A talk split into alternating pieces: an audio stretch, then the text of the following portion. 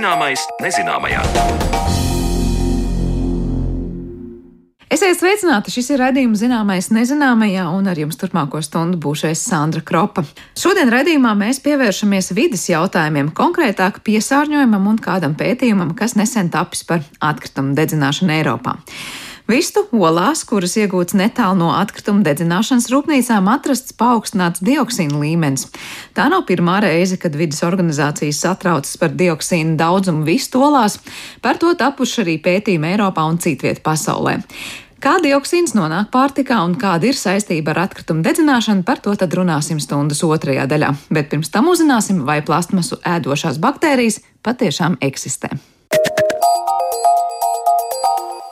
Pagājušā gadsimtā plastmasas materiāli kļuva par sasniegumu, kas daudzās jomās cilvēkiem atviegloja dzīvi. Taču nav pagājis pat pilns gadsimts, un mēs jau tagad redzam, cik lielas problēmas plastmasas atkritumi spēj radīt. Zinātnē tāpēc nepieciešams domāt atkal jaunus ceļus, kā ar to tikt galā, un viens no šādiem paņēmieniem ir plastmasu ēdošas baktērijas. Cik tālu esam tikuši ar šādām baktērijām, un vai tās spētu saista veselas plastmasas pudeles, par to Mariona Baltkalne sarunājās ar pētnieku Jāni liepiņu. Tad, tad iedomājieties, situācija ir 50. gadi. Ir parādījušās šīs ķīmiskās šķiedras, kuras piedāvā jums izturīgāku audumu, piedāvā iepakojumu, kurš eh, ir caurspīdīgs, brīnišķīgi izskatās, spožs, svaigs un tam līdzīgi. Un cilvēki, protams, ļoti ātri pierod pie vērtībām, un viņi ražo un ražo un turpina ražot šo iepakojumu. Tas ir vienreizējs iepakojums, pārstrāde varbūt nenotiek vai notiek minimāli, un tas uzkrājās, uzkrājās. Un cilvēku skaits kļūst aizvien lielāks un lielāks. Un mēs tagad runājam par septiņiem, astoņiem miljardiem. Atkal cilvēki grib dzīvot aizvien labāk, un tas iepakojums tur, turpina uzkrāties un uzkrāties.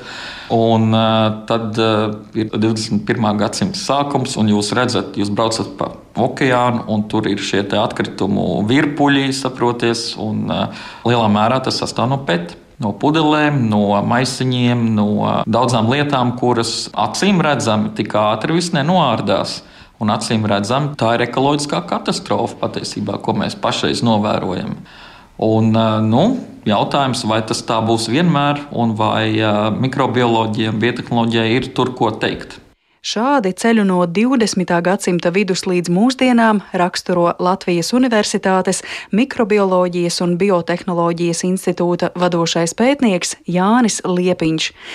No zinātnes sasnieguma esam nonākuši tur, kur esam. Mums ir milzīga atkritumu problēma, jo PET jeb polietilēna tereftalāts, kas ir plastmasas sastāvā, slikti sadalās.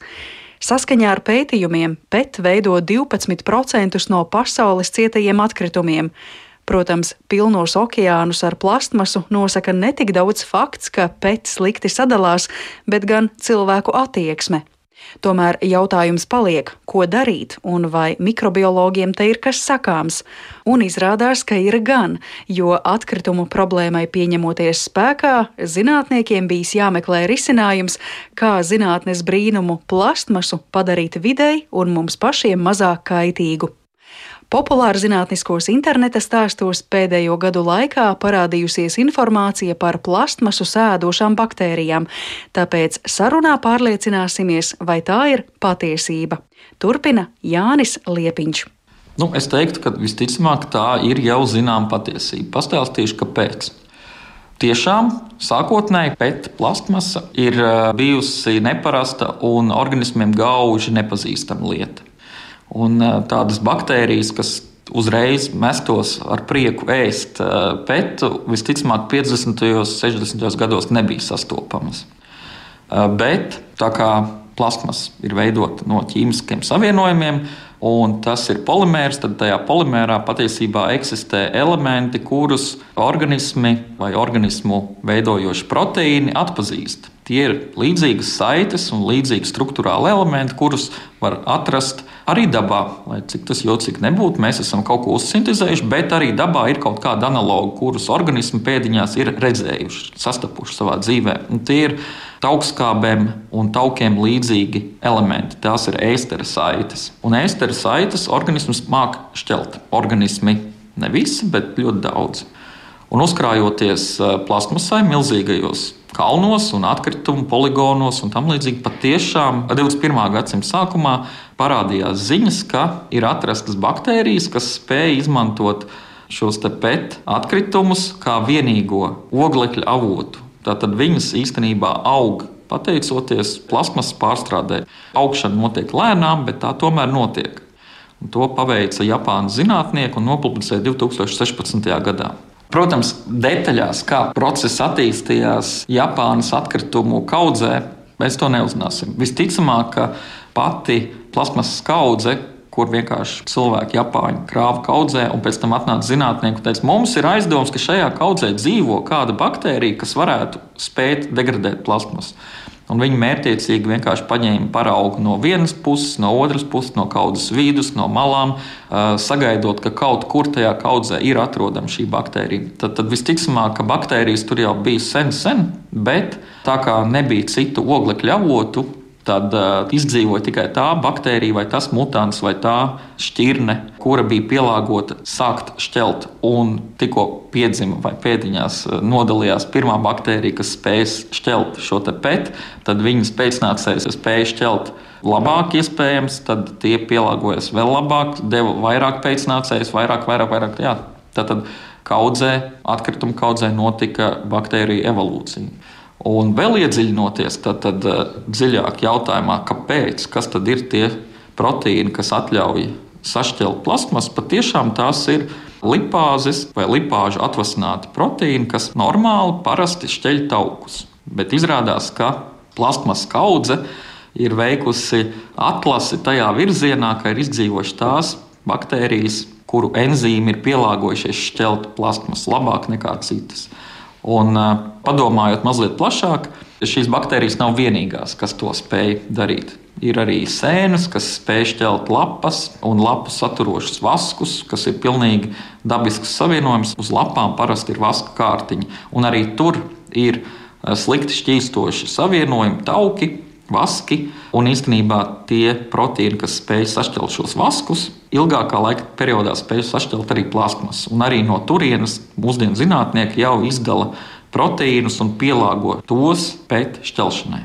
Tad eh, sanāk tā, mēs paņemam vienu mehānismu, kas mums jau ir zināms, atpazīstams, un mēs to uzlabojam, lai šajā gadījumā šķeltu plastmasu. Jā, tieši tā tas arī būtu. Pēc tam ir 21. gadsimts, un mums ir arī zināmi virzieni, kādā veidā mēs varētu uzlabot šo proteīnu. Pirmkārt, mēs atpazīstam proteīnu, mēs atpazīstam gēnu, kas kodē šo proteīnu.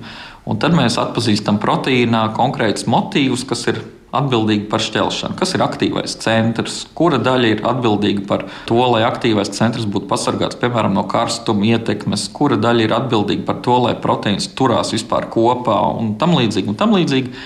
Un katru no šīm daļām mēs mākam tagad jau inženierēt mūsu vēlamajā virzienā, lai proteīns būtu karstuma izturīgāks, lai tas būtu izturīgāks pret plašāku pH reģionu. Piemēram, mēs nevaram garantēt, ka visi PET atkritumi, kurus mēs saņemsim, būs tikai pH 5,5. Visdrīzāk nē, viņi būs gan pH 6, gan pH 7, gan pH 4. Mēs gribētu, lai šie enzīmi darbotos plašā pH reģionā un vēl citi faktori. Ja mēs tagad zinām šo mehānismu un varam to uzlabot, lai specifiski šķeltu plastmasu, ne tikai taukus, tad eh, mēs droši vien varam arī mākslīgi pavairot un uzsintēzēt pašu baktēriju, vai ne?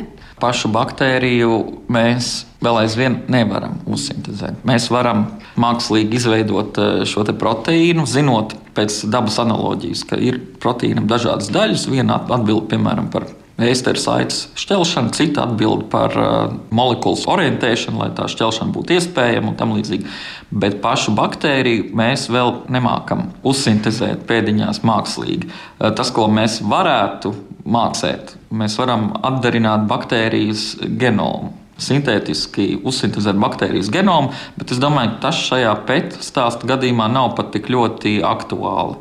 Drīzāk eh, interesantāk būtu ražot pēc iespējas vairāk šos tīros proteīnus, kuri būtu gatavi šķelt pēc tur, kur mēs to gribētu, un tam mērķim, kam mēs to gribētu. Un mērķis varētu būt eh, pēc atkārtot pārstrāde, to monomēru vai to ķieģelīšu iegūšana, no kā atkal varam veidot jaunu pudeli, un tikko mēs esam to pudeli izmantojuši, tā atkal viņu sašķelt, un atkal salikt kopā, varbūt par šķīvīti, piemēram, vai par kaut ko citu, vai par atkal par pudeli. Mm. Jā, es tieši gribēju precizēt par šo un vienlaikus atgriezties pie Japāņu pētījuma, ko tu minēji, kas bija tas, ko viņi aprakstīja un ko viņi piedāvā, kā tas īsti izpaužas šī plastmasas sāēšana, apēšana, degradēšana. Tas nozīmē, ka mums ir kalns ar plastmasu, un mēs ejam pēc vairākiem gadiem, un šī kalna vairs nav. Vai šis kalns ir pārvērties par kaut ko ķieģelīšiem, kā tu saki, ko mēs atkal jēgpilni varam kaut kur izmantot?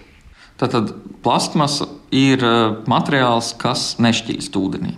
Un parasti proteīni labi darbojas eh, kaut ar nelieliem vielu fragmentiem, kurus tie spēj teiksim, satvert un sākt šķelt. Bet, ja jums ir pilnīgi nešķīstoša ūdenī lieta, tas ir grūti. Visticamāk, ka ja kalnā parādītos uh, plasmas mazi gabaliņi, tad tos mazos gabaliņus būtu efektīvāk sašķelt nekā teiksim, vesela pudele. Tad, uh, ja kalnā uzkrātos plasmas fragmenti, plasmas putekļi un kaut kas tāds, tad iespējams tā būtu pirmā lieta, kas tiktu sašķelta. Un, un baktērija augtu tikai pateicoties plasmas putekļiem.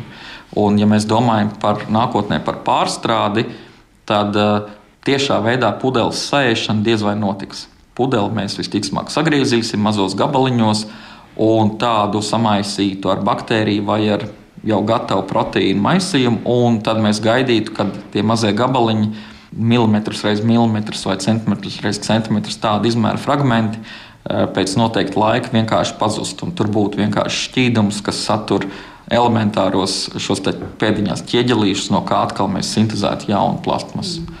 Un arī jā, Japāņu atkritumu kontekstā nu, tā kaudze varbūt nepazust, un arī tagad viņi diez vai pazūd tādā ātrumā, kā gribētos. Drīzāk mēs, zinātnieki, esam identificējuši procesu, kuru mēs, izdalot tīrus enzīmus, tikai pātrināsim.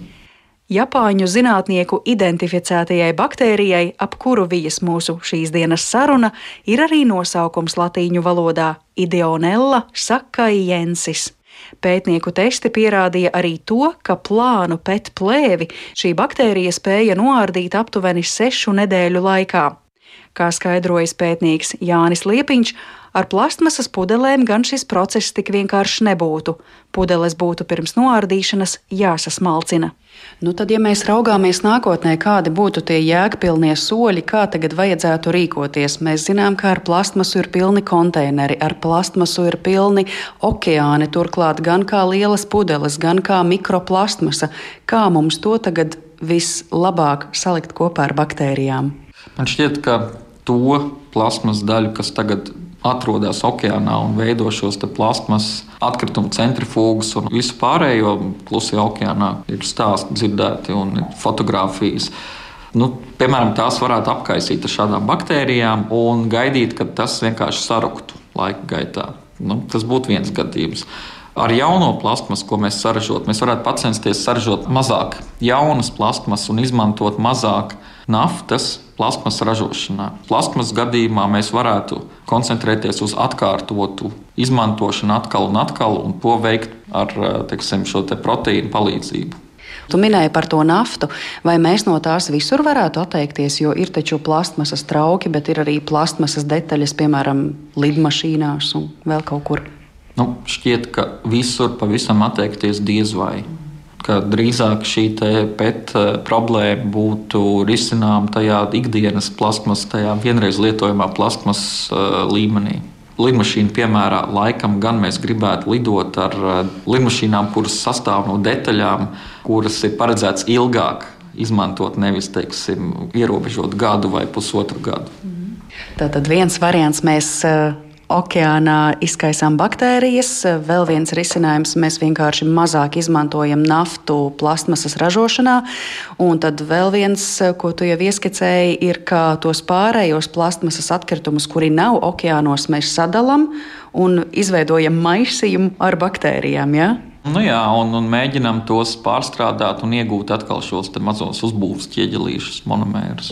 Es nedomāju, ka tas uh, risinājums atnāks tagad un tūlīt, bet uh, mums izskatās ļoti daudzas labas iestrādnes, lai šo plasmas problēmu tiešām risinātu tādā saprotamā veidā. Mm. Par šo tieši arī gribēju jautāt, vai tev ir zināms, vai kaut kas tāds jau notiek. Mēs tagad esam sapratuši mehānismu, kā tas tālāk attīstās Latvijā, citur pasaulē. Ir kaut kādi jau tālāk praktiski soļi. Cik es zinu, Latvijā tāda tīra komerciālā veidā plasmas pārstrāde vēl nenotiek, bet iespējams, ka notiks. Jo kāpēc gan ne? Taču plašāk pasaulē lielas korporācijas, kuras ražo teiksim, dzērienus, kuras pudeļo šajās plasmas pudelēs, viņas sāk aktīvi interesēties par to, kādā veidā notiek pudeļu pārstrāde. Un sāk arī domāt, un varbūt jau tagad, kamēr mēs te runājam, ievieš jau tehnoloģijas, kā viņu izmantotās pudeles tiktu ar viņu proteīnu palīdzību pārstrādātas un atkal atgrieztas kā jaunas pudeles atpakaļ.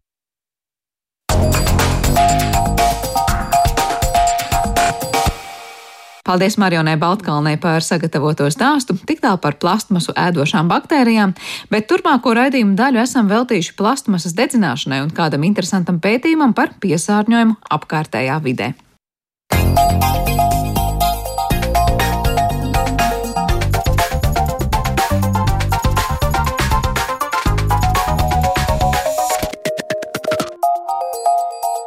Zināmais nezināmajā. Plastmasas atkrituma apjoma pasaulē prasa steidzīgu rīcību. Arī tepat Latvijā regulāri runājam par to, kā poligoni nav labākais risinājums atkritumu noglabāšanai. Viens no veidiem, kā pasaulē cīnās ar šo likstu, ir plastmasas dedzināšana, taču arī šeit ir nemazums bažu. Turpmākajās minūtēs mēs sarunu veltīsim šiem jautājumiem, un tieši tāpēc es studijā sveicu biedrības Waste Latviju valdes priekšsēdētāju Annu Doškinu. Labdien! Sveiki! Kā arī Latvijas Universitātes Geogrāfijas un Zemes zinātņu fakultātes asociēto profesoru Ivetu Steinbergu. Labdien! Labdien!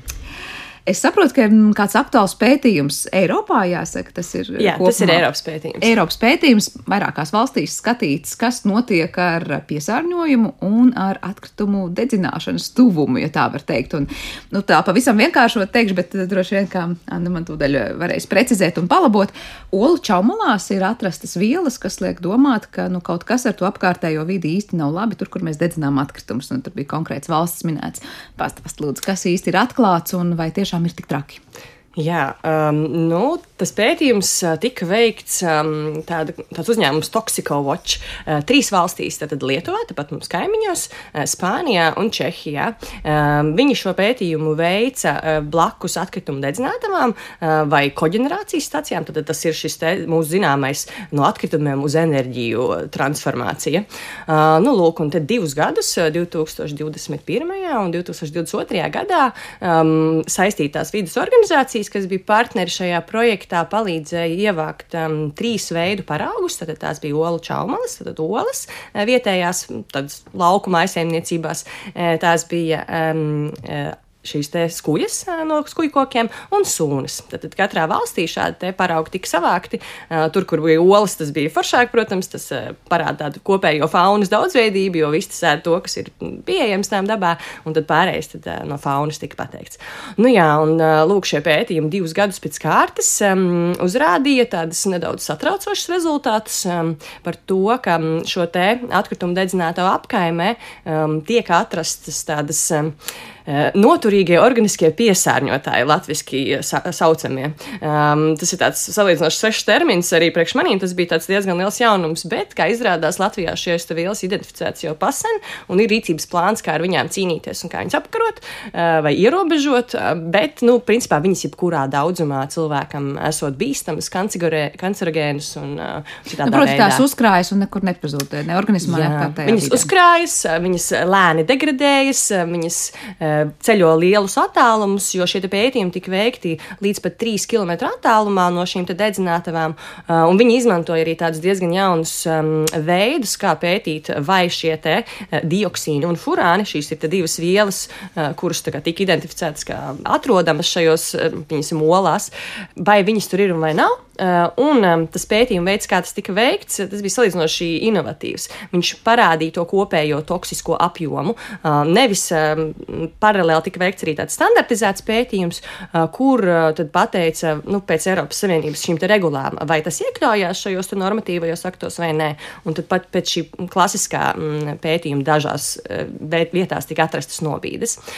Nu jā, tas bija tāds kopējais rezultāts šim pētījumam. Nu, katrā ziņā tas ir rezultāts, pie kura gribas pakavēties un teikt, kāpēc tā un kāpēc tā ir noticis. Ivitē man jautājums, vai šie furāni un dioksīni ir kaut kas tāds pašsaprotams vietās, kur notiek atkrituma dedzināšana, vai tas ir jaunums un pārsteigums pētniekiem? Mm, tas noteikti ir atkarīgs no dedzināšanas apstākļiem nu, ja tā ir reglamentēta dedzināšana iekārtās, jo tiešām tiek ņemts vērā viss tas, kas ir rakstīts gan direktīvās, gan iekārtu eksploatācijas noteikumos, tad šiem furāniem, dioksīniem praktiski nevajadzētu būt. Bet līdz ko mēs sākam neregulēti dedzināt atkritumus visdažādākos veidos maisaimniecībās, tā tie furāni dioksīni rodas nu pat simtkārt vairāk nekā mums ir droši. Uh, tad arī meža degšana rada šādu veidu piesārņojumu. Jebkas, kas deg, dažādi veidi rūpnieciskās ražošanas, mm, cementa ražošana, kokapstrāde, um, dažādu materiālu ražošana, nu, rada šīs emisijas. Nevar tā, tā, tas nav tik vienkārši. Bet diemžēl. nav tā, ka tas ir tikai atkrituma dedzinātavas. Tajās eh, vietās iespējams, labi, tur bija tuvu šīs dedzinātavas, tās ir arī kādas rūpnīcas. Eh, Jā. Ja tās tur ir, es nezinu, vai tur ir rūpnīcas tajās konkrētajās vietās, protams. Bet eh, Ivet minēja to, ka kāds arī savā mājasaimniecībā, ja dedzina, nu mēs ilgus gadus esam mēģinājuši par to runāt un izglītot, ka nevajag dedzināt plastmasu piemājas ugunskurā. Vai te mēs runājam par to, ka kāds iemetīs plastmasas pudeli vai pēc paku un uh, mēs jau varam runāt, ka tās kaitīgās vielas ir turpat ugunskura tuvumā, jāņog krūmu lapās, ja tāda ir tuvumā, Jā. un tie tur arī paliek. Tas nav Jā, tās, nu, protams, viena pēc pudele neradīs tādas, ja tā var teikt, bīstamas un mirstamas koncentrācijas, bet nu, tas noteikti nekur nepazudīs. Un, nu, ir, nu, dažās valstīs pat ir izstrādāts tāds kā ieteik, ieteikumu vai rekomendāciju, vadlīnijas vai kas, ka, nu, ja nu mēs kaut ko tādu darām, nu, tad varbūt neaudzējam pārtiku savos dārziņos.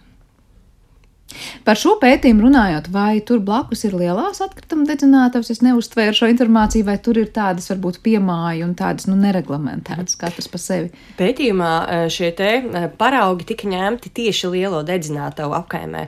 Piemēram, Spānijā šī dedzinātava Madridē ir viena no arī Eiropas vecākajām dedzinātavām. Viņa ir jau ilgus gadus tur bijusi uz vietas, un tas piesārņojums tur ir ilgi, ilgi krājies. E, Lietuvā savukārt šī dedzinātava strādā, manuprāt, trešo gadu. Tad pētījums tika sākts veikt eh, kādu pusgadu pēc eh, šīs dedzinātavas darbības sākuma. Tas nozīmē, ka viņš rodas relatīvi ātri, ja eh, mēs pieņemam, ka šis viss izmeši ir radušies tieši no tās dedzinātavas rezultāta.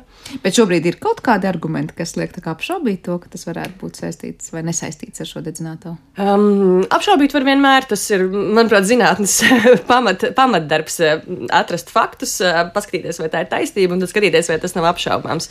Bet šajā gadījumā mēs zinām, zinām, ka e, atkritumu dedzinātavu e, kā viens no gala produktiem mēdz būt šie izmeši. Tad mums ir pamatotas bažas domāt, ka tas var nākt tieši no šīm dedzinātavām.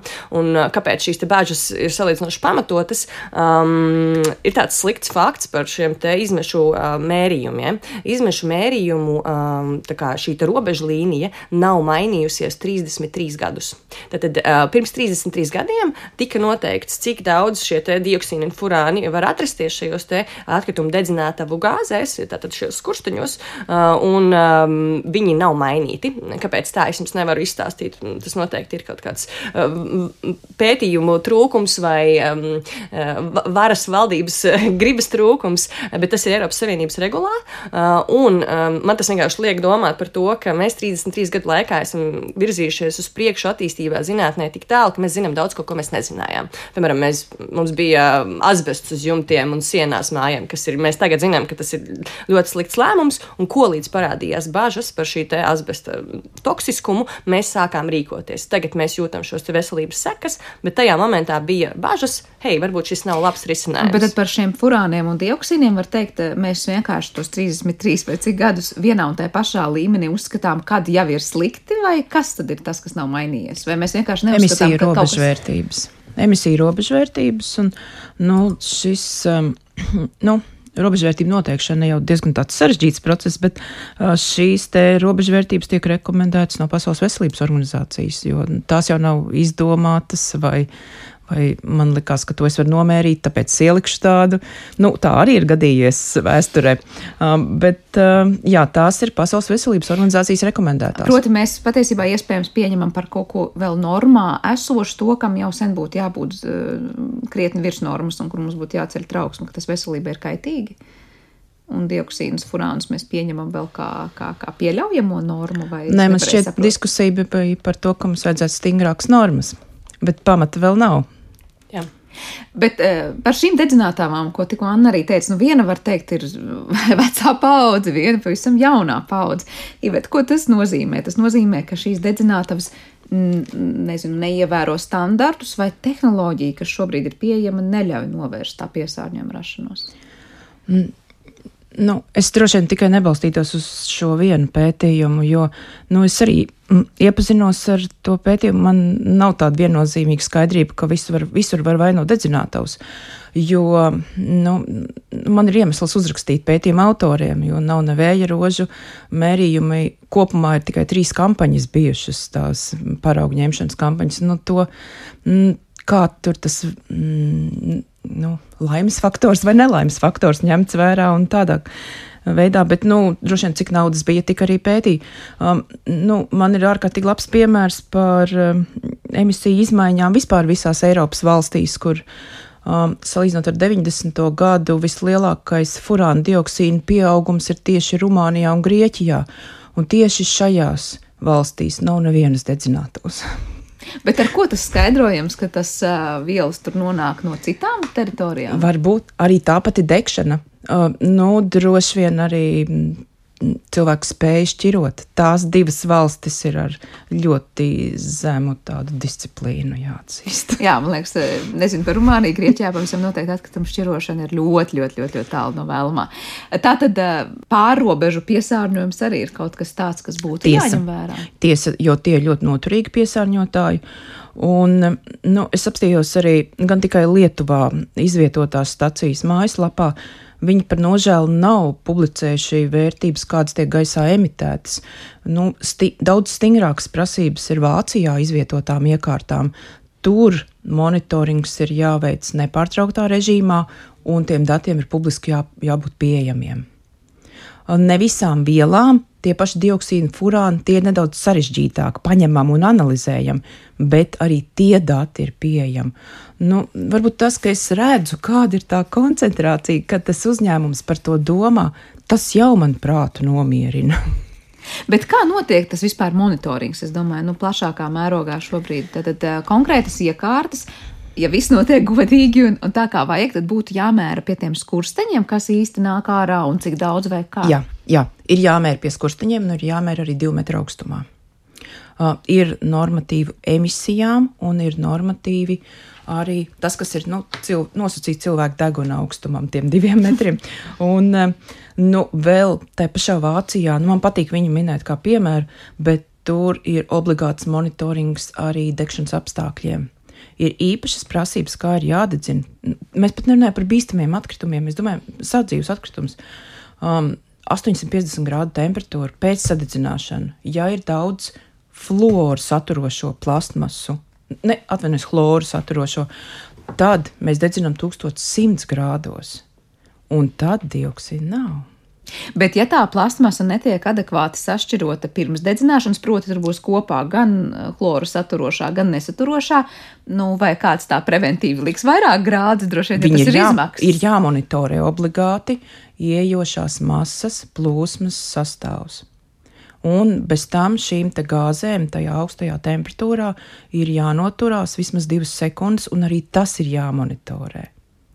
Tā ir tāda, es nezinu, kā to iedomāties, bet kaut kāda sensora laboratorija vai kā to visu no, noteikt. Nē, tas ir šīm te jaunajām iekārtām, nu, tas ir tik ļoti pašsaprotam. Tā pati iekārta, kur ir uzstādīta kaunijā, viņai, nu, vismaz mājaslapā bija rakstīts, ka viņa to dara. Um, nu, un tur ir arī atsevišķas prasības, kā, piemēram, ja man ir jauna iekārta uzstādīta. Es saprotu, ka Lietuvā monitorē ik pa diviem mēnešiem vai divreiz gadā. Tur mm, uzstādot iekārtu no sākuma ir ļoti intensīvs monitorings, jo bieži vien uzsākšanas režīmā ir sagaidāma iekārtas darbības nestabilitāte. Tas ir tik ļoti normāli. Mēs, ka nopērkam taču kādu iekārtu, varbūt eh, pieslēdzam pie strāvas, un viņi nomirst uzreiz. Nu, nu, tur viss kaut kas gadās.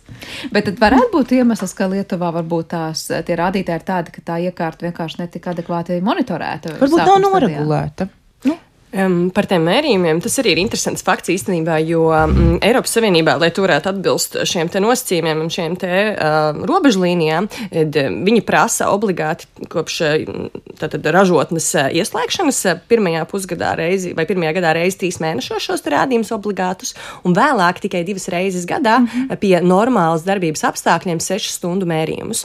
Ko tas nozīmē? Tas nozīmē, ka tajos ekstremālajos gadījumos, kas ir ieslēgšana, izslēgšana vai kaut kādas problēmas dedzināšana, dedzināšanā šie mērījumi netiek ņemti, bet tieši tās ir tie brīži, kad patiesībā būtu jāmēra visvairāk, kad var notikt vislielākie šie izmešu, mm, kā, ne, nestandarta izmešu nobīdes. Un tas ir tas, kas uztrauc šos vidus organizācijas, kas veic pētījumus, un arī mūs, e, ka šie mērījumi nav uzlikti gana strikti, lai mēs būtu pilnīgi droši. Jo, nu, protams, izlasot šo pētījumu, saprotot, ka varbūt šis paraugs nav gana plašs, man tāpat tas rada jautājumus. Un es gribu zināt, ja es gribētu, piemēram, dzīvot blakus, 3 km attālumā, attālumā no šīs vietas, tad es vēlētos būt droši, ka mana veselība netiks ietekmēta sliktos veidos. Un mēs jau tagad redzam arī um, no robežu iedzīvotāju puses, kas patiesībā mm, tagad robežos tiek plānota atkrituma dedzinātava. Um, cilvēki raksta mūsu organizācijām prasa, kā varbūt jūs varat pastāstīt vairāk, vai mums ir jāstraucās, vai mums ir jāpārvācās. Protams, panikas vēl nav vienkārši. Es vēlos, lai cilvēki ir informēti par iespējamiem riskiem. Un, um, jā, kā, manuprāt, par šīm visām lietām ir jārunā, ir jābūt striktākiem regulējumiem, jo, ja mēs vēlamies dedzināt, kas, protams, manuprāt, nav labs risinājums jebkurā gadījumā, eh, tad ir jābūt tiešām uh, drosmīgiem, un mums ir jāliek stingrāki regulējumi pēc visām pieejamām informācijām, pēc visiem jauniem pētījumiem. Tas, ko mēs varam izdarīt, ir jābūt uh, maksimāli drošiem. Ir ja kāds viedoklis par to, kā Nē, nu, labs, slikts risinājums? Mums jau ir mm, speciāli ministra noteikumi par atkritumu sadedzināšanas iekārtām, un tur nepārtrauktais monitorings ir plānots 30 minūšu ekspozīcijai. Um, pēc tam, ka tur atkarībā no, gan no vielām, jo ir vielas, ko 30 minūtēs tehniski nav iespējams nomērīt, tie paši dioksīni, furāni. Jo to koncentrācijas novērtē cieto daļiņu sastāvā. Tas nozīmē, ka tās cietās daļiņas ir jāsavāc un jāizanalizē bieži vien laboratorijas apstākļos.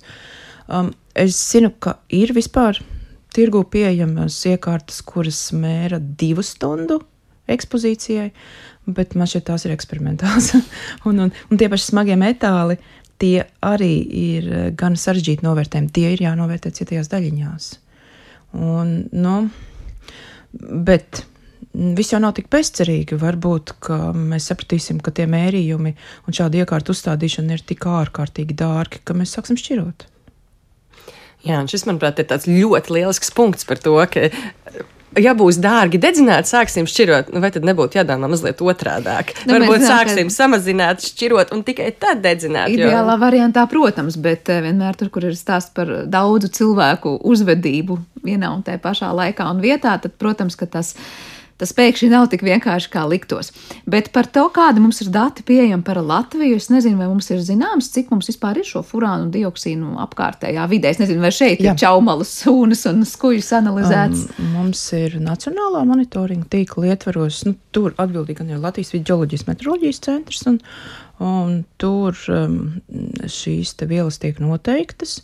Un, nu, tam nav nekāda sakara ar, ar dedzināšanas iekārtām, bet tas ir, lai novērtētu piesārņojumu līmeni pilsētās, fona līmenī. Un mums ir vairākas vietas, kur Latvijā mēs varam šo informāciju iegūt un paskatīties viņu mājaslapā. Viņi ir publiski pieejami. Un ik mēnesis ir atskaites, un, un man gan īstenībā jāreklamē. uh, bet, uh, jā, ir Rīgā, Liepājā, Ventspilī, Rucavā, kā valsts fona stacijā. Šie mērījumi tiek veikti, un nu, tās vērtības ir salīdzinoši ļoti zemas. Arī smago metālu koncentrācijas tiek noteiktas. Un, nu, Pašais... Tas ir gaisā, ja šobrīd ir tās gaisā, stacijas. Mhm. Uh -huh. Tās ir zemes koncentrācijas, tad tās kaut kur nāk no citiem avotiem. Es nezinu, kaut jā. kas, jebkas var degt, vai atkal kāds savā pagalmā jā, kaut ko jā. padedzina, mazliet vairāk, mhm. mazliet mazāk, tas viss kopā kaut kur uzkrājas. Vai mums ir kaut kādi, nezinu, mēģinājumi skatīt līdzīgi kaut kur citur dabā, nu kādus indikātors, līdzīgi kā tas sūnas un skujas vai olu čaumals, vai vēl būtu kādi interesantas lietas, kur Latvijā būtu jāpapēta? Um. Es zinu, ka ir veikti pētījumi par šo vielu koncentrācijām melno stārķu, čaumalā, nu, olu čaumalās, vanskaros un atrijās un tādos, nu, kā paši saprotat, nu, tas nav publiski pieejams, bet šādi pētījumi ir veikti. Tur gan ir ārkārtīgi daudz diskusiju par to, vai vide ir piesārņota, vai stārķi ceļojot no citām valstīm ir, nu, nu ko nu ir uzēduši pa ceļam un, un akumulējuši sevī. Tas ir savādāk, es diemžēl nezinu neko citu. Bet šobrīd mums nav tā kā pamata Latvijā satraukties, ka mēs dzīvojam nu, vidē, kurā ir pietiekoši augsts šis piesārņojuma daudzums, vai mēs pārtikā patērējam kaut ko, kas varētu būt veselībai kaitīgs. Kā, nu. um, es domāju, ka nē. Nu, mēs varbūt varam skatīties, no kurienes tā pārtika nāk. Nu, jā, tas arī jautājums. Um, tad eh, nu, mums ir bijis viens gads, kad Liepājā bija paaugstināts noturīgu organisko savienojumu koncentrācijas. Tas bija tāds pārsteigums, bet beigās analizējot datus, mēs nonācām pie secinājuma, ka to viss ir radījusi uh, Fonteina viesnīcas degšana un lielie ugunsgrēki apkārt. jo, nu, kas, ko tad mēs tagad būvējam ēkas? Mums ir plasmas logi un, un tas viss degot nu, ļoti labi. Turpat arī paliek. Jā, Bet jā. cik ilgi paliek? Mēs runājam, ka tas ilgi paliek un nekur nepazūd un, un nenoārdās. Var teikt, nu viens tāds ugunsgrēks, kurā ir varbūt degusi plasmasa un nesaistībā ar atkritumiem vai daudz ko citu, mēs varam teikt, tas ir uz gadu gadiem vai nu kur un cik daudz mēs ar to pēc tam sadzīvojam apkārt. Nu, mēs runājam par cilvēku mūžu. Mm -hmm aptuveni tā. Nu, tā degradācija jau. Tas nozīmē, ka viņi akumulējas. Tad Jā. viņi paliek cilvēki vai dab, vidē, cilvēku ķermenī, vidē, visur, visur kur, kur mēs ejam. Un viss šīs ikdienas apjoms akumulējās mūsu organismā un ietekmē mūsu veselību. Tad, tad tas ir tāds kopsumma. Un ja mēs atrodamies kaut kādā vidē, kur šī negatīvā ietekme varētu būt lielāka kādu brīdi vai dzīvojam viņā, tad jā, tas raisa bažas vai veselība nebūs ilgtermiņā ietekmēta. Nu, jā, tie ceļi, pa kuriem, kā jau mēs minējām, tas var nu, nonākt ziniet, pie dažādi. Par tiem ceļiem nu, ir analizēta, kā cilvēks visbiežāk uzņem tieši šos dioksīnus un furānus. Un, un nonāca pie secinājuma, ka tā gaisa kvalitāte varbūt nav tas primārais, ka 90% no šī piesārņojuma uzņem ar pārtiku. Tāpēc ļoti skatāmies, ko ēdam. Bet, nu, labi, mēs ļoti skatāmies, ko ēdam. Tad mums kam ir jāpievērš uzmanība? Lai tas ir izcelsmes valsts, vai tas ir eh, jau kaut kādi citi rādītāji, kas mums varētu teikt, uzmanamies šeit? Ak, ja mēs būtu ļoti apzinīgi un gudri, mēs droši vien skatītos no mājsaimniecības, kuras mēs ņemam pārtiks produktus, kur šī saimniecība ir izvietota, kāds ir apkārt esošo monitoringu staciju rezultatīvie rādītāji, kādi ir. Nu, tad, pamatojoties uz monitoringu, izvēlētos uh, nu, tiešās pirkšanas maisaimniecību, no kuras es pērku pārtiku. Tas būtu skaisti. Tas būtu skaisti, bet es saprotu, tās monitoringa stācijas nosauktās jau patiesībā sanāk kaut kā piekrastē, vai ne? Vai es atcerējos tikai Rucava, Ventspils un lielās pilsētas. Jā.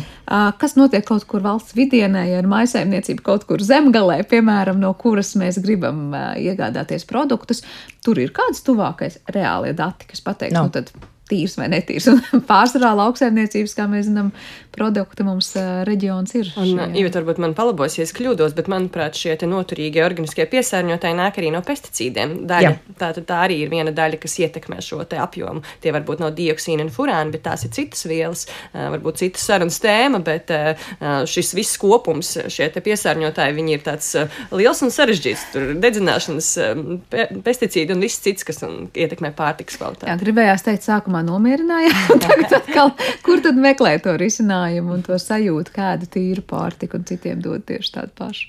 Nu, mēs varam apsakot teritoriju, kura mums liekas tīra.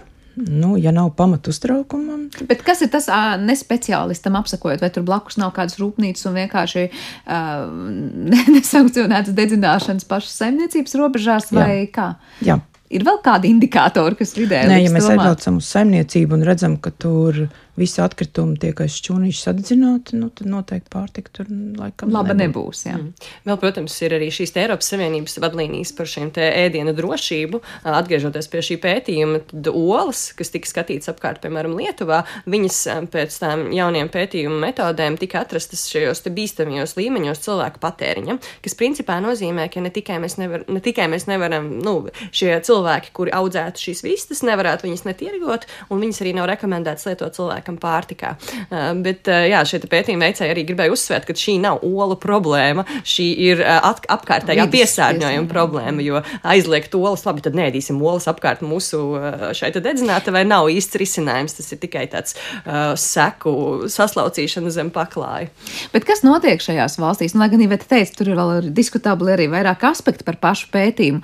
Vai tur ir tāda mērena trauksme sacelta, vai tur ir atkal tā, ka, nu, skatīsimies dažādus par un pret, izvērtēsim, vai kāds vēršas pret pētījumu autoriem, vai savukārt atkal cilvēki ļoti uzmanīgi sāk skatīties, no kurienes ko pērk un ēd. Nu, lūk, tas ir lielisks jautājums, jo mm, pētījums vien pats neko par sevi neizdarīs. Par pētījumu kādam ir jāuzzina. Tas nozīmē, ka šīm vidas organizācijām, kas šo pētījumu ir veikušas, ir jāsaprot, kādi ir nākamie soļi. Vai mēs piesaistām finansējumu un veicam lielāku apjomu pētījumu, lai dati būtu vēl uzticamāki, vai mēs ejam pie Eiropas Savienības komisijas, sakam, hei, re, kur ir problēma, varbūt iekļaujam šos te jaunos pētījumu metodas standarta praksē, lai mēs saprotam, vai arī citur nav šādas problēmas. Un šobrīd tādu paniku jūs droši vien neredzat, ir daudz citas aktuālākas lietas, kas cilvēku prātu nodarbina. Un, diemžēl dioksīna un furāna ir tāds sarežģīts, sarežģīts temats, ar ko runāt eh, ar cilvēku. Bet tas ir sacēlis kaut kādu vētru, varbūt par skaļu teiks, bet nu, kaut kādu jaunu jautājumu gūzmu, nu, kaut vai par atkritumu dedzināšanas ideju un to, kā to realizēt. Vai tas ir atkal kaut kāds pretarguments šobrīd, kas tiek eh, izcelts gaismā un tur ir dzirdīgas ausis. Man šķiet, ka tikai pret procesu kā tādu neviens negrib uh, savā sev īpašumam tuvu atkritumu dedzinātavu, nu, līdzīgi kā atomelektrostacija. Bez, bez jebkādiem argumentiem, pat ja es saku, ka strādās atbilstoši visam, vienalga, kas negribu. Un ir Lielbritānijā veikts pētījums arī par to, kā cilvēku uztver, nu, vis, nu, kā viņi attiecas pret to, ka blakus ir atkrituma dedzinātājs. Tur bija diezgan neiedzīgi secinājumi jāatzīst, ka, nu, lai lai cilvēkiem, kuriem ir augsts labklājības līmenis, ja, lai netraucētu viņu skaisto dzīvi, skaisto ainavu nesabojāt, novietosim šīs iekārtas vietās, kur ir, nu, no, zem dzīves līmeņa cilvēki, kur ir daudz iebraucēju, imigranti. Un, Kuriem it kā tas nav svarīgi? jā, viņiem ir, nu, viņus vairāk interesējot, kā apriebināties, nekā, nu, tas bija tas diezgan neiedzīgs pētījums, bet, bet tie secinājumi bija, nu, ja mēs runājam tomēr par līdztiesību, par to, ka katra cilvēka dzīvība ir vērtība, tad, Nu, šāda pieeja man šķita pilnīgi nepieņemama. Bet tas ir vairāk par to vizuālo un to, ka viņi negrib redzēt tuvumā šie cilvēki, kuriem it kā tas dzīves mm -hmm. līmenis ir augstāks dedzinātavs. Bet vai pašas dedzināšanas iekārtu, es nezinu, uzstādītāji, ražotāji un dedzinātavs sāk apdomāt to, ka varbūt ir kaut kādi citas prasības, kas nāks un stāsies spēkā par to, cik ļoti monitorēsim, cik ļoti pieskatīsim to procesu, vai ir uzdot jautājumu par to, vai dedzinām pareizajās temperatūrās un apjomos, jo parasti tas ir minēts arī kā klupšanas akmens, ka Jā. tas ir ļoti, ļoti dārgi. No, no cilvēkiem parasti nav šādi, bet, bet es domāju, ka vienkārši ir jārunā. Nu, mums taču ir vīnas piemērs, kas ir tik krestomātisks piemērs, kā vajag ar cilvēkiem runāt. Viena no vecākām atkrituma dedzinātavām. Um, tā tagad tiek izmantot ekskursijām. Tur vēl aizvien dedzina atkritumus, bet cilvēki piekrita mm, vietējie iedzīvotāji, ka šī iekārta tiks būvēta, uzstādīta, attīstīta tikai tad, kad viņiem sāka runāt, un kad Hundert Vasars piedāvāja viņu vizuāli skaisti noformēt. Bet kā tur ir? Es saprotu, tie 70. gadi, ja? Kad, 75. gads. Kad vispār atklāja šo iekārtu. Tur iepriekš bija savādāk, tā kā, bet nu, tad viņi pārgāja. Viņi saprata, ka viņiem nav kur likt atkritumus. Un... Tad. Bet tur tā dedzināšana notika labi, vizuāli noformēja skaisti, bet uh, atbilstoši Jā, standartiem. Viņi savā mājaslapā arī tiešām uzraksta, kādi ir tie, kā, kādi ir atkritumi, ko viņi pieņem, kā tas viss notiek, kādas ir temperatūras. Un, nu, man ir gadījies tur būt, arī paskatīties, kā tas notiek. Un, nu, kā tur izskatās? Um, ja mēs aizmirstam par smakām, viss ir labi. smakas tomēr nav savāktas un novērstas. Protams, ka nē. nē. Tā, nu, smirt pamatīgi, jo tur ir vēl priekššķirošana, priekšapstrāde. Dedzināšanas procesi jau arī ļoti dažādi. Ir tādi, kur mēs vi, dažādi gabarīti atkritumus lēžam visu patieši iekšā, kas nav pārāk efektīvi, bet tad ir ar izmantot šrēderi iekārtas, kur, nu, kur viņi sačipo vai tāds sasmalcina. Un, Un, nu, tas ir daudz efektīvāk, tad atbilstoši gaisa padeve un, un visas tās tehnoloģijas jau attīstās. Bet uh, man patika.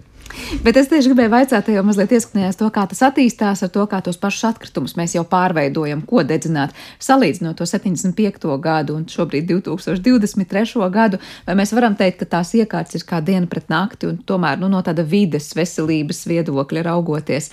Cik ļoti tas, kādas ir idejas, kā dedzināt, un tie piemēri, kā dedzināt atkritumus daudz vietā, ir tiešām vidē draudzīgi? Jā, es uzskatu, ka jā ka progress ir milzīgs, tehnoloģijās ir milzīgs. Um, bez tam ir, uh, nu, ir aktivitātes, kur mēs tomēr pirms dedzināšanas mēs izvelkam ārā to, kas mums vēl var noderēt kā resurss, jo sadedzināšana jau ir galējā metode.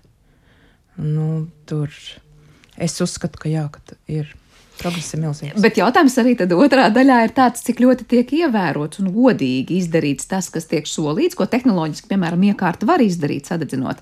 Vai mums ir pamats bažām, ka varbūt kaut kur temperatūras netik lielas tiek izmantotas, kaut kur kaut kas netiek savākts, ko tehnoloģiski var izdarīt, un mēs vairāk tā kā mm, esam, mums ir jābūt nobažījušiem par to, kas notiek. Ļoti elementāri to var izdarīt, ja mēs pasakām, ka šim ir jābūt kontrolētam un publiski pieejamam jebkuram. Nu, tad eh, kāpēc lai es smaugtos?